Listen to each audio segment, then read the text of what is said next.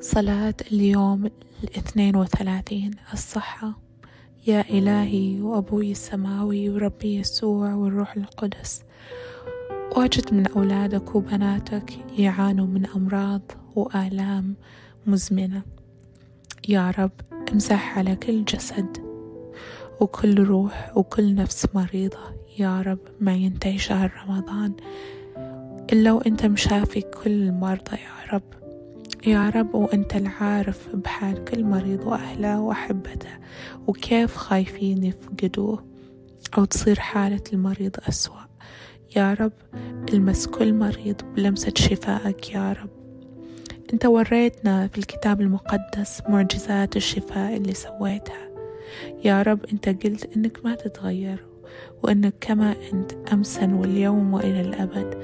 فيا رب أثق أنك مثل ما سويت معجزات الشفاء قبل ألفين سنة لما كنت على الأرض تقدر تسويها اليوم بقوة روحك القدس.